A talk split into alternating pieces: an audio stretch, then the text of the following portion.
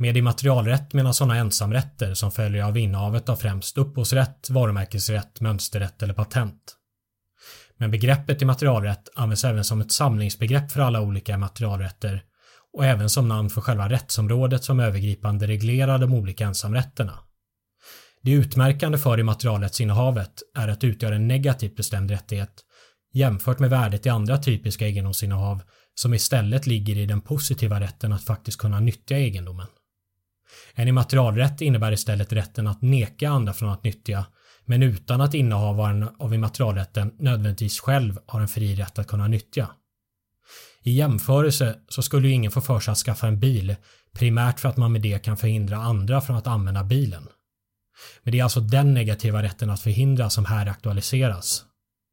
Och något som även öppnar upp möjligheter för en immaterialrättsinnehavare att under ett licensavtal kunna ta betalt just för att denne ska samtycka till någon annans nyttjande och med det låta bli att förhindra det nyttjandet.